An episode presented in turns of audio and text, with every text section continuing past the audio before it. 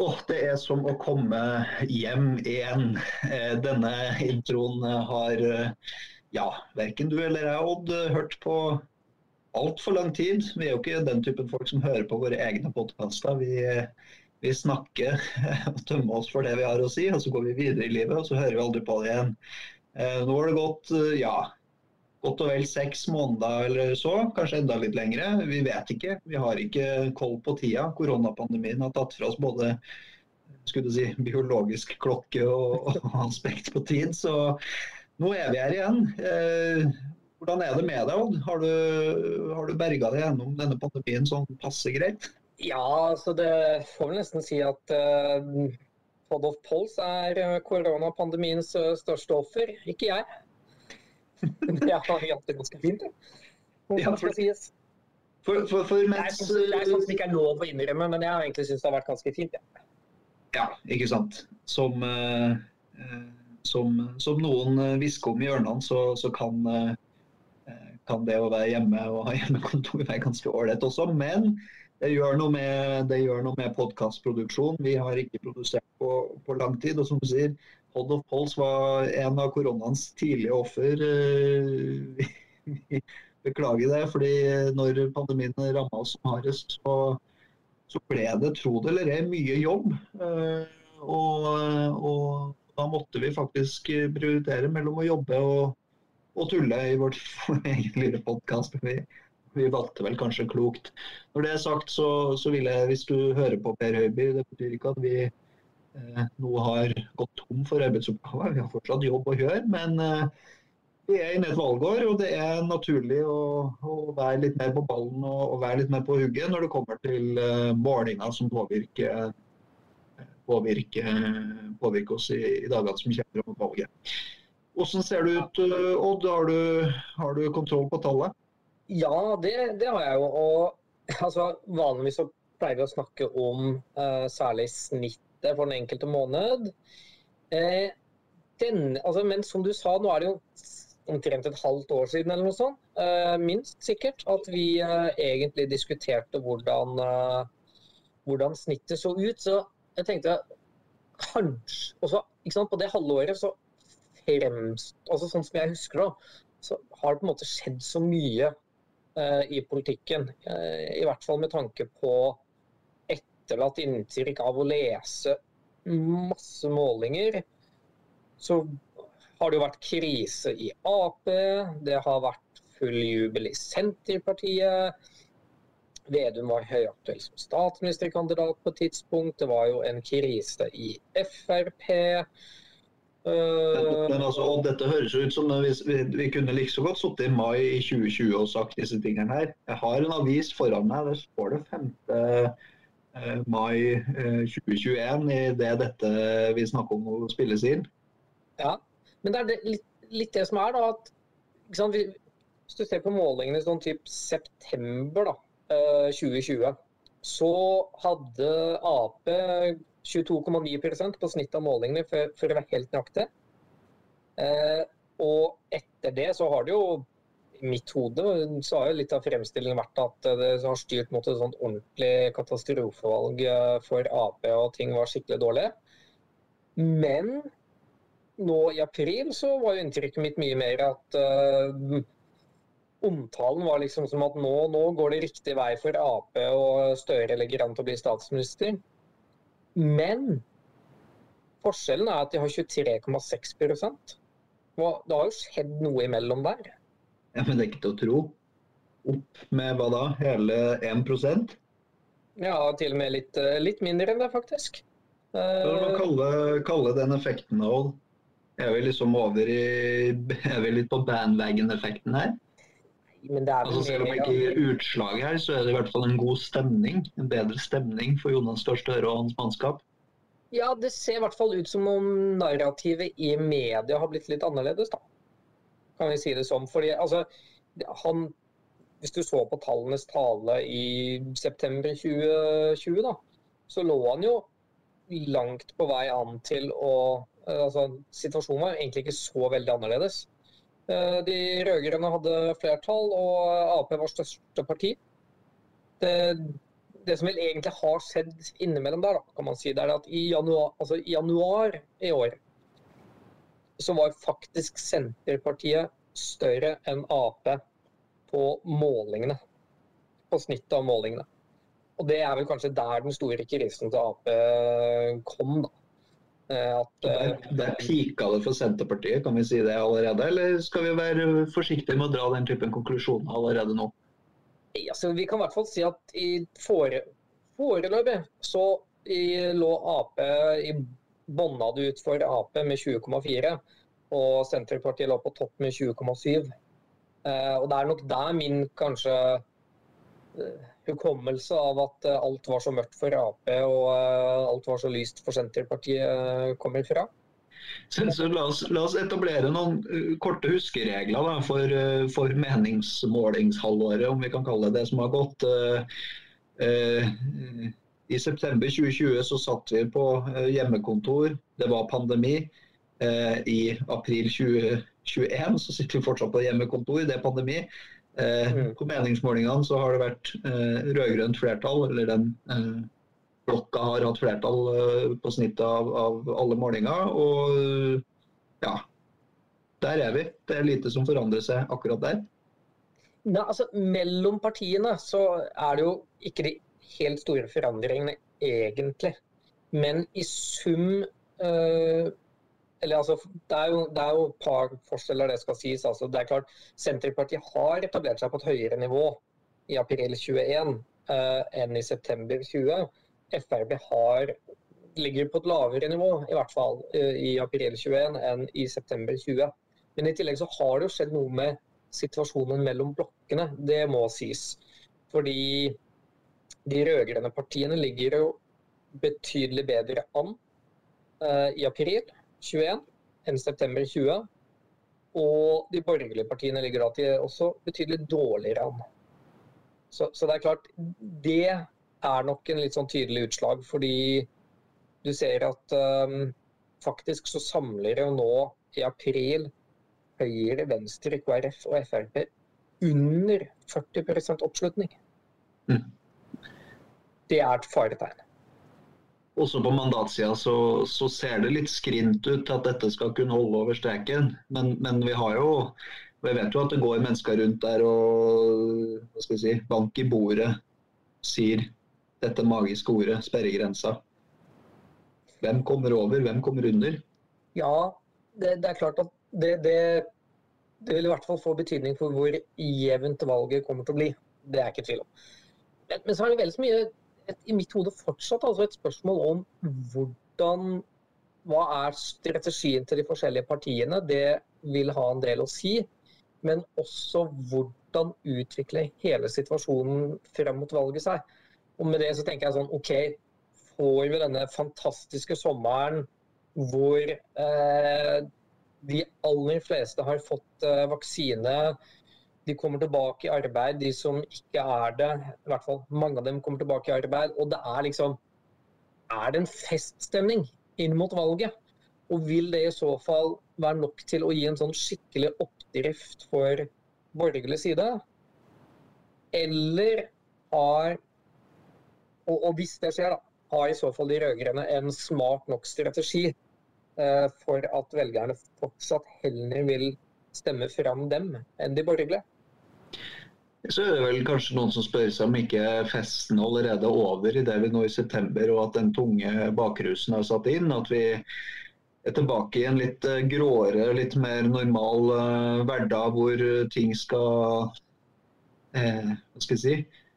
Det er ikke sånn at landet ligger i ruiner. Jeg ser fortsatt at hus står rundt der jeg sitter, i hvert fall. Men uh, uh, det er jo en del trekk da, som, som koronapandemien har uh, forstørra og forsterka.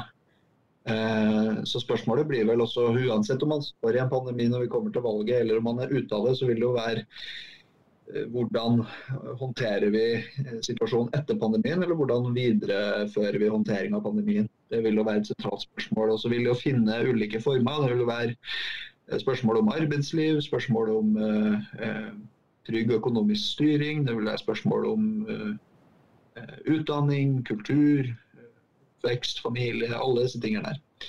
Ja, og hva er velgerne mest opptatt av? Fordi i tillegg til de tradisjonelle partimålingene, og for så vidt statsministermålingene, så har vi jo også uh, etter hvert begynt å få en del uh, målinger som handler om sakseierskap. Uh, og hva velgerne er mest opptatt av. Og det er klart, der skal jeg si at det er en del ting som i hvert fall kan tolkes positivt for de rød-grønne. Eh, særlig dette at eh, sosiale ulikheter eh, har ser ut til å seile opp som en viktigere sak enn det har vært på lenge. Og Det kan jo handle om dette forstørrelsesglasset som du snakker om. Men, men det, er jo, det, det, er jo, litt interessant, og vi har vært innom det før. Liksom, hvordan velger du dine ord med omhu i, i, den typen undersøkelser, og hva betyr ordvalg og spørsmålsstilling for den typen, særlig den typen uh, saksmålinger. ikke sant, Måling av sakseierskapet, noe som ofte høres om. Uh, her er ikke så mye uh, altså, Sakseierskapet kommer ikke fram i disse målingene, men man kan jo tenke langs en tradisjonell høyre-venstre-aks på, på, hvem som eier de ulike saksfeltene her. Men likevel, eh, tror du vi, vi, får hele bildet i den typen saksmålinger? Hva er viktigst for deg hvis du har ti valg? da? Det blir jo fort at du må prioritere. Ofte kan det, være, kan det hende at det er saker som ligger på utsida av det de, de, store instituttene måler her, som, som, man ikke greier å fange opp. Det vil jo i hvert fall kanskje Arbeiderpartiet svare på at det var litt av problemet til partiet i 2017. At man greide liksom ikke gjennom den tradisjonelle spørsmålsstillinga å finne ut hva som rørte seg. Da, da, kan jeg vel heller si at i Høyre så klarte man i 2017 å analysere fryktelig godt hvordan den valgkampen kom til å forløpe, i, uh, i all ubeskjedenhet. uh, men det er noen ting som selvfølgelig er praktisk talt umulig å måle, og det er jo skal vi si, magefølelsen. Altså hva føler du for et parti, en uh, person, sånne ting. Men som du sier, det er jo også et spørsmål om hva hvordan tolker man hva som ligger i det? Fordi hvis skape nye arbeidsplasser, da, eh, la oss si det, la, den er viktig for velgerne, vi kan si det, så er jo spørsmålet man burde stille seg som strateg i et parti, er mm, OK, men hvem er det som er opptatt av dette? Er det de velgerne vi allerede har i offentlig sektor, som har faste, gode jobber og ikke har blitt påvirka av dette? Eller er det menneskene som er ansatt i eller avhengig av en jobb i privat sektor? Mm. Fordi det er veldig ulike løsninger og veldig ulik kampanje du skal drive hvis du skal snakke til de velgerne. Mm. Så Det er om å forstå hva, eh, hva ligger disse svarene, egentlig. Eh, det, hvis du ikke skjønner det på en god måte, så kan det også ende opp med å ta noen veldig dårlige veivalg.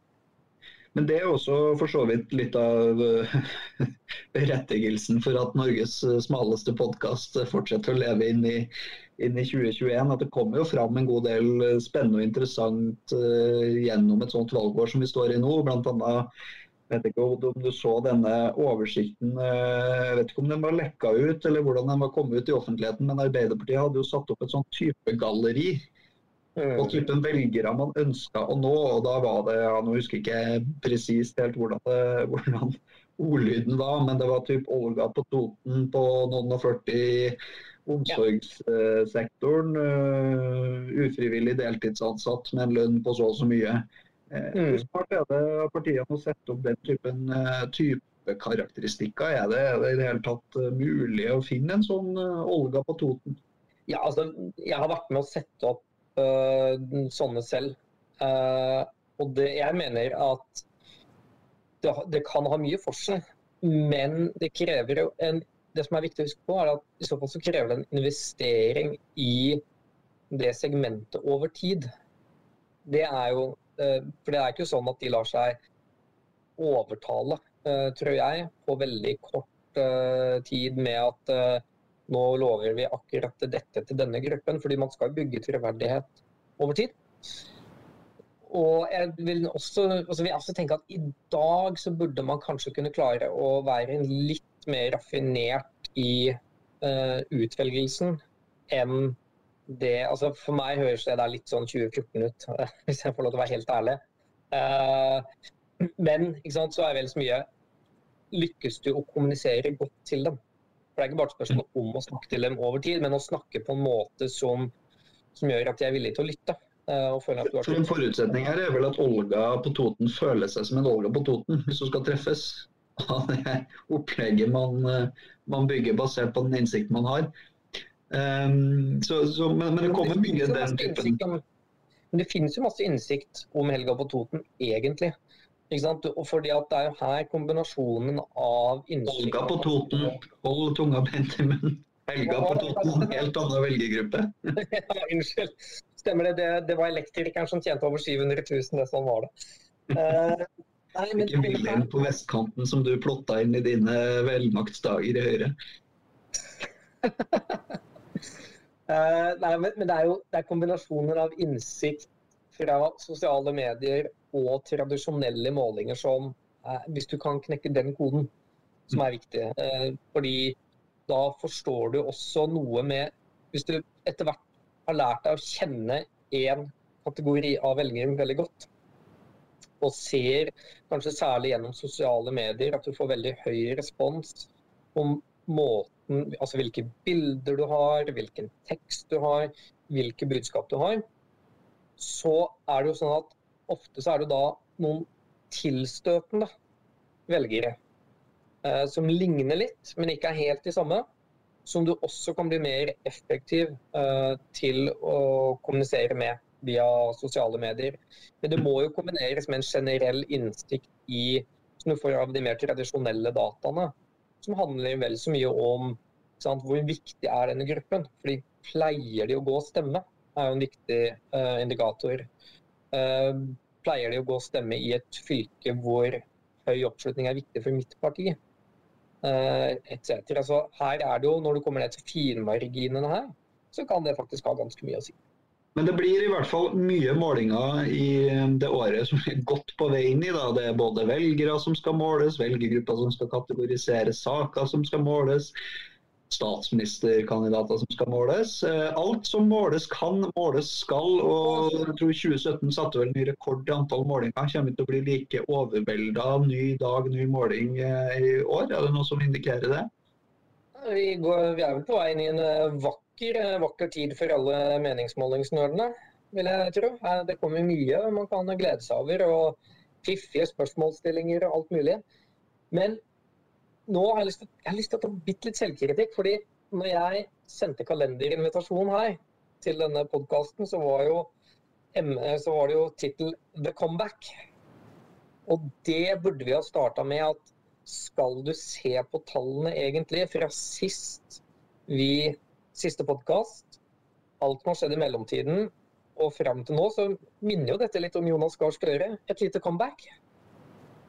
Du er en Du er, du er i slaget, Odd. Dette har du, dette har du ventet, den har du gått og tenkt på i seks måneder, det er det som slår meg. Jeg, jeg, har, vel, jeg har vel ikke kanskje ønska et comeback for Jonas Gahr Støre, det må vel eh, ærlig sies. men, men, men vi skjønte vel ganske fort at vi måtte komme oss tilbake i dette formatet etter vi, vår søsterpodkast eh, det mye det velrenommerte Firstcast kom i skade for å begynne å sammenligne KrF og, og, og bompengepartiet, og, og, begynte å, å, vitse for mye om sperregrensa, var det ikke så? Vi, altså for de som lurer på hva vi sa, så finner dere det ikke noe sted på nett, for det ble sensurert bort. Så da fant vi ut at da er det på tide å begynne å fjase igjen på et sted hvor det ikke er noen som uh, kan klippe vekk ting. Vi er henvist tilbake til vårt lille anneks, vår lille podkastbod på utsida av uh, av, eh, av den store, vide uh, First Cast-boden. Men det er her vi trives best. Og vi kommer til å fortsette å følge, fortsette å følge tallene ettersom de kommer inn. Det lover vi. og den, si, en lovnad i et valgår skal man jo ta med en klype salt, men, men, denne tror jeg vi skal klare å levere på, i hvert fall, i hvert fall fram til valget. og Så får vi se om det er noe eksistensgrunnlag for denne podkasten etter det. Jeg har vel tidligere nevnt at vi tar gjerne imot eh, requests på, på valg som er interessante å følge. Det har kommet inn ymse, får jeg vel si, hittil. Men vi skal fortsette å følge med. Ja da, jeg vil, jeg vil, gå så langt som å si at uh, dette er noe så unikt som to, to politikere som uh, ikke leverer noe valgflesk. Helt riktig. Det eneste vi lover, er at den som måler, får se. Og vi kommer tilbake.